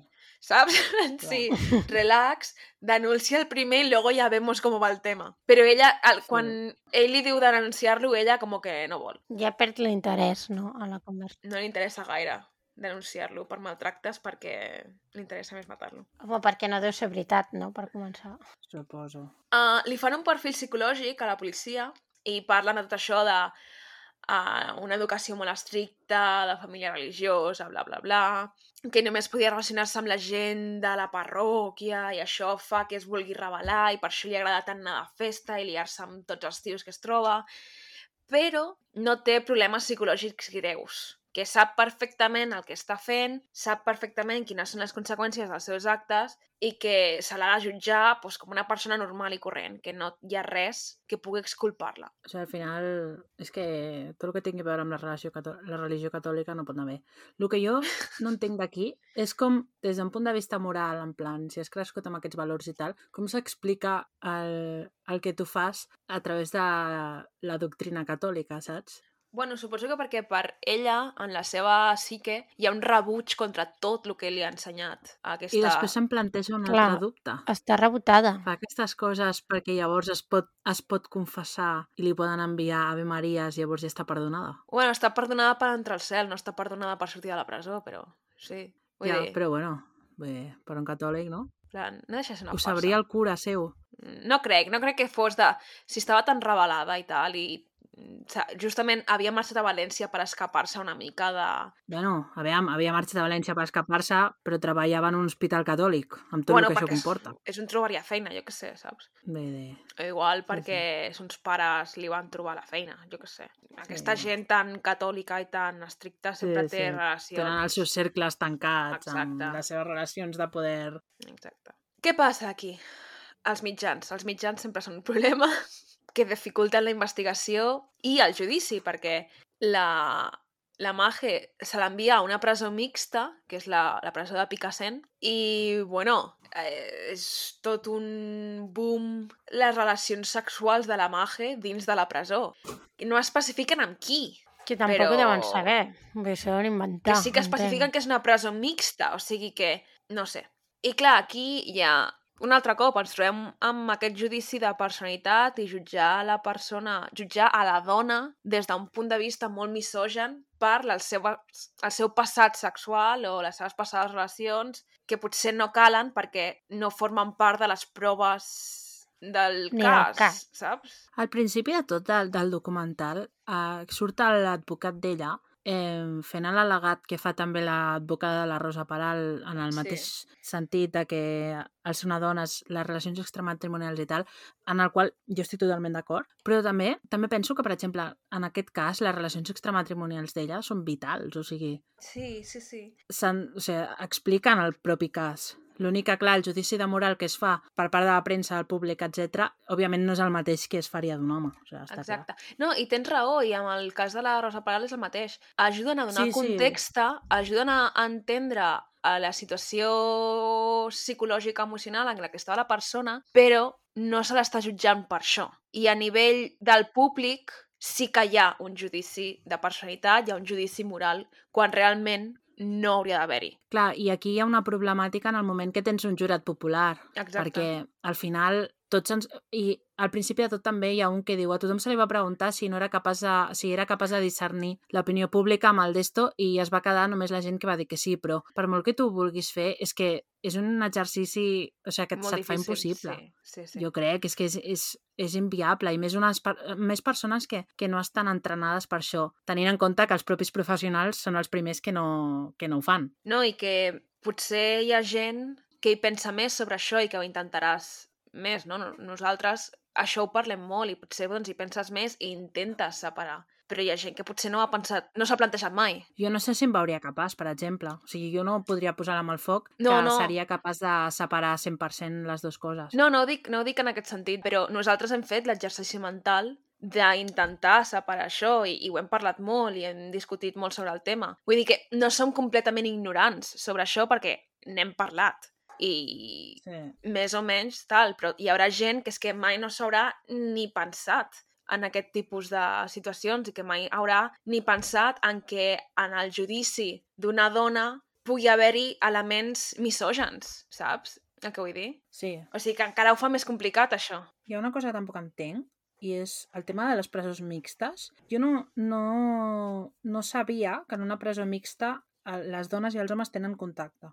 Jo tampoc. Jo em pensava que hi hauria mòdul i mòdul i ja està. En plan, sí. que per mi presó mixta significava que hi havia dos mòduls. Jo no sabia que, que, que podien tenir contacte, és molt raro. Sí, és que totes les presons, excepte Batràs i Puig, Puig de les Bades, no ho sé, però Batràs segur. Em, totes les altres presons són presons mixtes, però hi ha un mòdul de dones no? i, i Mm. un mòdul d'homes. No sabia que interactuaven entre ells. O sigui, em genera preguntes, aquest sí, tema. sí, sí. De com es gestiona això i, bueno, no sé. Si algú treballa en una presó, que ens ho expliqui. Sí, seria interessant, eh, de saber, perquè, clar, llavors, no sé, per... mm, no sé. Que anava a dir abans que també crec que en els dos casos hi ha una altra similitud i és que totes dues s'inventen aquests maltractaments mm. i Mm. que després al judici es fa servir molt el tema misogínia com una mica comodín, saps? En plan, que sí, que que segurament tindrà eh, una opinió molt misògina a la premsa, eh, la societat, etc etc. I això és cert, però això no, no redueix la magnitud del que han fet. I també penso clar. que ho fan No, com una però- mica en plan comodín, saps? O sigui, ja comencen estratègia. rotllo. Sí, sí, per això. Però jo amb això uf, és que és un tema molt gris, però jo no estic gaire d'acord, sobretot en el cas de la Rosa Peral. Al final, o sigui, tot el, el tema de que ella acusa amb ell de, de maltractes i això, primer, en el cas de la Rosa Peral no ho sabem si és veritat o no, en aquest sembla que no. Però em, jo crec que és molt clar la misogínia que hi ha, sobretot en el cas de la Rosa Peral, perquè és que al final, Sí, fins si i no tot el nego, judici la de la misogínia. pornovenjança acaba en Sí, sí. res ells ho fan servir d'argument i s'excusen amb això, però és que tenen tota la raó. Mm. O sigui, no, no ho veig com, com algú en plan, com que se n'aprofitin. Em refereixo que, com que és una cosa, per exemple, el que deia la Carla de acusen a la al mort de maltractes. Vull dir, és una cosa molt comú, que realment sí que hi ha... O sigui, és una cosa que és tan real i tan comú que no em sembla impossible que ho intentessis uh, maximitzar perquè es plantegés com un atenuant. Perquè és una cosa que realment passa i que és una cosa molt real Ja. que moltes homes que... Perdó, moltes dones que realment són maltractades poden acabar matant a la seva parella en defensa pròpia. Però jo t'ho plantejo de la següent manera. Tu al final, és, o sigui, el tema del maltracte, eh, sobretot el maltracte psicològic i tal, és molt difícil, o sigui, és un tema molt subjectiu, no? Al final, mm. si no tens proves... Costa molt que et creguin, no? Perquè si no tens Sí. proves físiques del, del dolor que t'han fet o, o tu no has anat al metge, mm, les denúncies queden en res. Llavors, jo et faig la pregunta, com sé que la Rosa Peral barra ella està mentint? Perquè al final, a mi o sigui, si jo fos guàrdia civil o poli i tal, aniria a parlar amb, amb, amb els amics d'ell, però també has de posar molt en context el que diuen els amics d'ell Mm -hmm. i el que diuen els amics d'ella, perquè al Mm. final tenen la versió d'ella, la versió d'ella, i no és el primer cas ni l'últim que ningú sap el que passa en aquella casa fins que arriba un moment que acaba amb la dona morta o l'home mort, no? Llavors, també crec que és, és un tema molt subjectiu i que tampoc podem dir fins a quin punt se n'aprofiten o no. no sé, M'explico? Bueno, sí, que jo em baso en el que s'explica en el documental i pel que donen a entendre. O sigui, en el documental donen a entendre que s'ho que inventa. Però, per, o sigui, no et donen cap explicació de per què creuen que s'ho inventa, Ja. no? Què és? Perquè surt molt de festa? Això és una No, opinió no. subjectiva. O sigui, és, és també un... També és misogínia, això no sé com dir-t'ho, saps? O sigui, no estic dient que fos el cas ni que no, eh? Però que també sense tenir la informació a mi em costa dir que sí o que no, Mm. saps? M'explico? Sí, sí. És com a, és el maltractament d'ell que, que en un missatge de WhatsApp escriu això, també és el mateix cas. Sí, No? sí, sigui- sí s'assumeix. Jo assumeixo que, que potser ella l'havia pagat amb ell, però no hi ha cap manera de que l'advocat pugui demostrar que sí, ni tampoc hi ha cap manera que es pugui demostrar que no. És que és, és un tema... Bueno, és, és interessant. És un tema interessant. Mm. Bueno, seguim? Mm. Sí. Com que els mitjans comencen a parlar molt de el currículum sexual de la Mage dins de la presó, el Salva, que no sé si està a la mateixa presó o no, perquè no diuen, però el Salva, aquesta imatge pública de la Mage li afecta molt perquè, òbviament, se n'entera. A més a més, altres presos se'n burlen d'ell. Ell li està enviant cartes a la Mage i al principi la Mage contesta però deixa de contestar-li i a ell li afecta molt. I després de quasi un any de presó provisional, el Salva demana tornar a declarar davant del jutge per ampliar la seva versió dels fets. I és com que de cop té una consciència i s'arrepenteix moltíssim. En el moment en què l'altre l'ha deixat de banda, s'arrepenteix moltíssim. I confirma que va ser cosa dels dos. Que explica que un dia ella treu una conversa sobre els companys de feina de l'Antonio, que havien mort en un accident laboral, i que desitjava que hagués sigut l'Antonio en comptes de uh, els companys de l'Antonio. I que al final d'aquesta conversa, d'aquesta fantasia, ella li demana que el mati per ella, i ella accedeix. També diu que la idea de matar-lo al garatge és de la Mage, que fins i tot proposa el dia i l'hora, li dona una clau del garatge, li diu quin cotxe és el cotxe de l'Antonio, li diu quina plaça de pàrquing és, però el dia que planeja l'assassinat, aquell dia l'Antonio li dona per aparcar al carrer en comptes d'entrar al cotxe al garatge i la Mage s'emprenya i li envia uns missatges al Salva de joder, no sé què, és que no ha entrado, bla, bla, bla, bla. I acorden que ho tornaran a intentar al cap d'uns dies però que durant aquest temps que estan com esperant a que, a veure, el moment perfecte, el Salva... bueno, això que dèiem, el Salva està molt espantat perquè ell va amb la base de que l'Antonio la maltracta i està convençut de que la maltracta de maneres brutals i que igual l'acaba matant. I bé, com que ha explicat tot això, el fiscal amb l'autorització de la família d'Antonio, o sigui, primer ho parla amb la família d'Antonio, el fiscal demana una pena menor pel Salva um, de la que demanaven al principi, perquè ha col·laborat. Mm. Però, i així, la policia no és capaç de trobar aquests missatges que parla el Salva, que diu el Salva, de quan, quan van intentar matar-lo i no va sortir bé, ni els telèfons ni els ordinadors, ni- en plan, no poden trobar-ho. 14 d'octubre del 2020, comença el judici. En un jurat popular, que com dit abans, doncs, és difícil formar el jurat popular perquè tothom té aquestes idees preconcebides. Preconcebudes? Preconcebudes. Preconcebudes.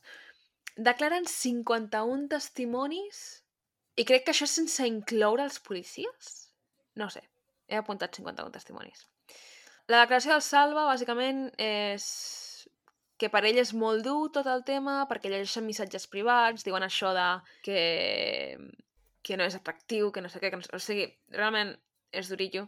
I Jo ho he, ho he passat malament veient-lo a ell. O sigui, se'l Sí, veia molt és que- afectat. genuïnament se'l veu Sí. afectat i passant-ho malament. O sigui, Demana perdó a la família de l'Antonio, està com plorant, li costa molt dir les coses perquè no li surt la veu. O sigui, es veu bastant genuí, sí. aquest arrepentiment. Però, com a contrast, tens la Mage que surt en plan, Sí, chilling. yo, yo no dije eso, ¿eh? Yo nunca he dicho Que no eso. s'entera de res en tot el judici. Sí, sí, està així, però que els lletrats se la mengen amb patates. O sigui, Sí, sí, sí.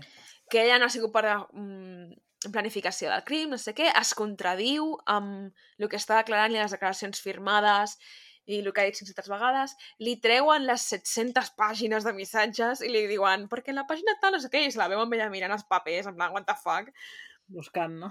Segons ella, mai mai li va demanar ni insinuar que matés l'Antonio. Que a més a més que ella mai havia dit que hi hagués maltracte físic excepte una bufetada i que era més aviat un maltracte verbal, no sé què, i que a més a més que era dues bandes, que no era que ell la maltractés amb ella, sinó que es maltractaven l'una a l'altra perquè s'insultaven molt. És com, tia... És sobre és que ho fa com pitjor per ella. Ho fa pitjor per ella cada cop que parla. I està a la defensiva, ella, saps? I no se la veu sincera, perquè està a la defensiva, no sé. Diu que s'havia plantejat divorciar-se, però que és que hi havia massa història entre els dos com per deixar-ho així de per si. Dius, no, literalment és el que fan milers de persones cada dia.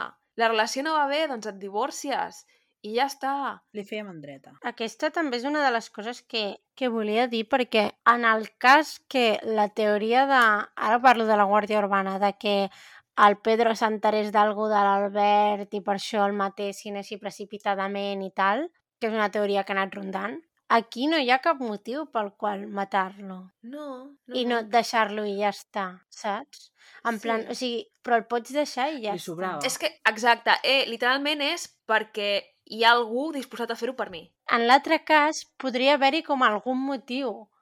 Entre com... Mm. O sigui, no, no és un motiu, mai serà mòbil. un motiu suficient, però ja m'enteneu. O sigui, que pot haver-hi un mòbil, però Sí, és sí, que sí. aquí no hi ha cap justificació alguna. Bueno, en plan, No, però per exemple pot ser perquè li sobri, perquè vulgui cobrar l'herència, perquè és molt més fàcil des d'un Sí. punt de vista catòlic acceptar la mort que el divorci, perquè el divorci està prohibit en la doctrina catòlica i, sí, però la mort que provoques tu. Bueno, però si no t'enganxen... clar, o sigui, divorciar-se és com que et miren malament, no? En plan, no, és, no està acceptat, però si en canvi et miren, de, et miren des de fora com a viuda. La història canvia molt. Ah. O sigui, no sé, t'estic donant raons tontes, no? Però en plan que podrien ser coses que li passessin pel cap. Sí, sí, sí. Però que a la vegada és això, que dius, oh, és que portàvem 5 anys junts i hi ha molta, massa història com per divorciar-me. Tia, literalment hi ha parelles que porten 20 anys junts i després se di Mm. es divorcien després de 20 anys, per raons X. Però que mm, el fet de Mm. hi havia 5 anys d'història entre nosaltres no és una excusa. és que és molt estrany. Ah, i llavors li pregunten per què quan vas quedar amb el Salva el mateix dia de l'assassinat i el Salva et va explicar que l'havia matat si se suposa que tu encara te l'estimaves i se suposa que no et volies divorciar d'ell i que no volies que el matés, no sé què, per què no vas anar a la policia? I ella diu, ah, oh, tenia por, no sé què, no sé quantos. Mm, Weird. No tenies por d'aquest mateix, el Salva? Clar. Bueno, és el, el cupón de com no iba drogado, no? Sí, no, no, és, és aquestes coses que dius, està, ara ja estàs dient coses per dir, tia. Sí, total. Sí. Hi han 11 sessions del judici i que acaba el 30 d'octubre del 2020 i el jurat popular declaren per unanimitat que els dos són culpables. El jutge condemna a 22 anys de presó a la Mage amb agreujant de parentesc i a 17 anys al Salva amb atenuant de col·laboració amb la justícia.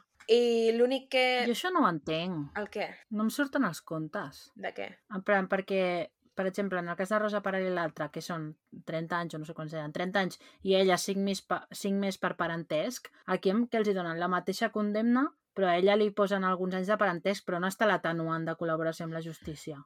No, perquè ella que no col·labora. mes, saps? No, No, ella no col·labora. no, ell, ell. 17.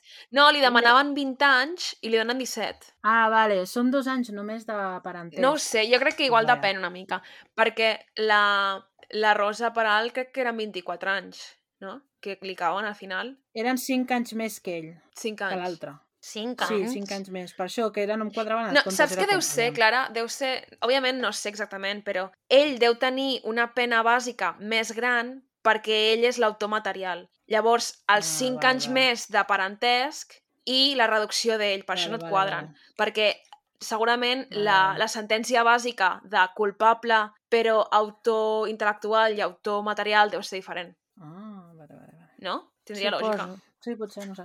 Sí, en el meu cap és igual, però legalment no sé com funciona. Ex aquest. exacte, sí. Mm. Llavors, clar, tot això acaba amb que no sabem la motivació. I ha crec que és el criminòleg que et dona les seves tres hipòtesis del, de la motivació que me les he apuntat així com per acabar. Motivació possible 1. No volia divorciar-se... No volia divorciar... No, tinc problemes amb aquesta paraula. No volia divorciar-se... Joder!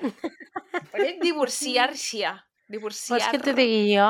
No volia... No, no volia divorciar-se perquè no volia ser la dolenta de la pel·lícula altre cop, perquè ja va ser la dolenta quan li va posar les banyes just abans de casar-se. Possibilitat 2. Benefici econòmic. Volia cobrar les assegurances de vida. I possibilitat 3, que és com la possibilitat...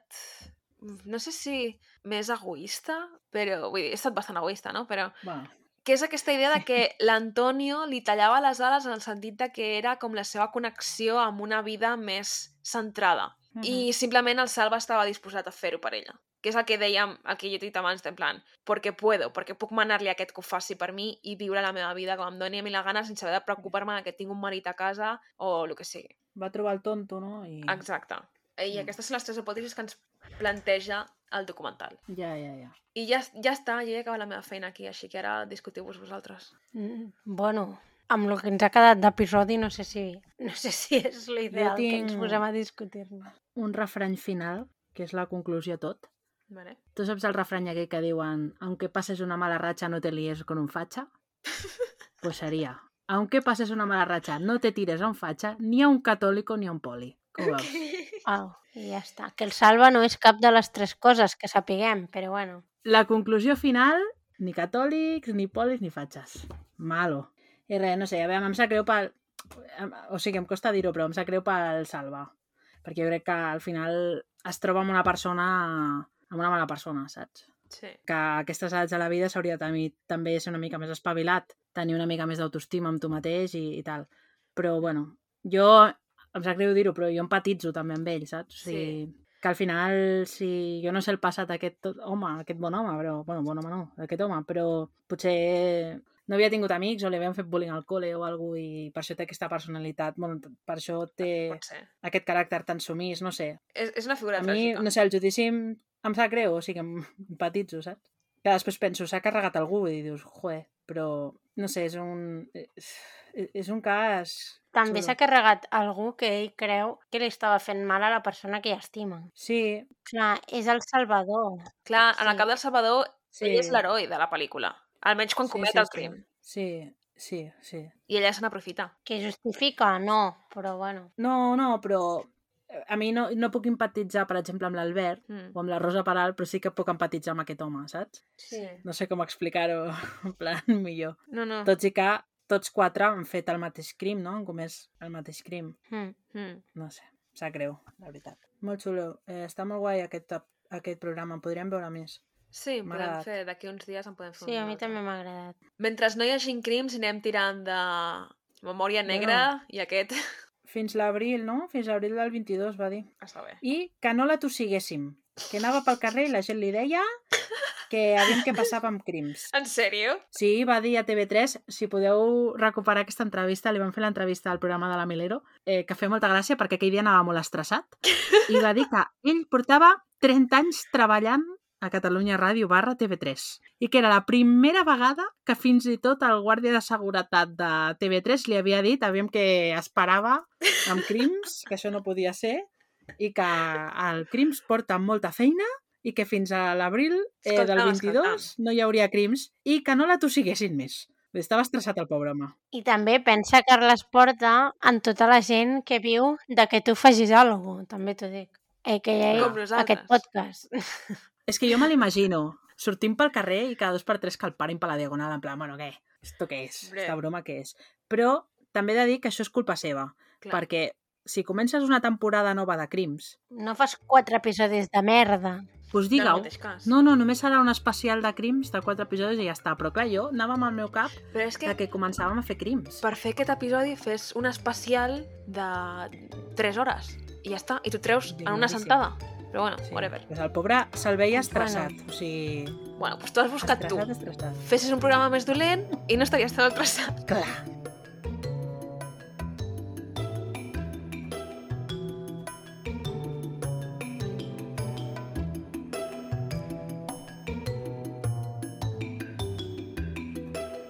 Fins aquí el programa d'avui. Si us ha agradat i us heu entretingut, podeu subscriure-us. Ens trobareu a Spotify, Apple Podcast, Google Podcast i altres plataformes. També podeu deixar una ressenya o un comentari, que això ens ajudaria molt. Si voleu comentar-nos què us ha semblat directament, ens trobareu a Twitter. Simplement busqueu Malandrí Criminal Podcast i us hauria de sortir. Gràcies per escoltar-nos. Adeu. Adeu. Adeu.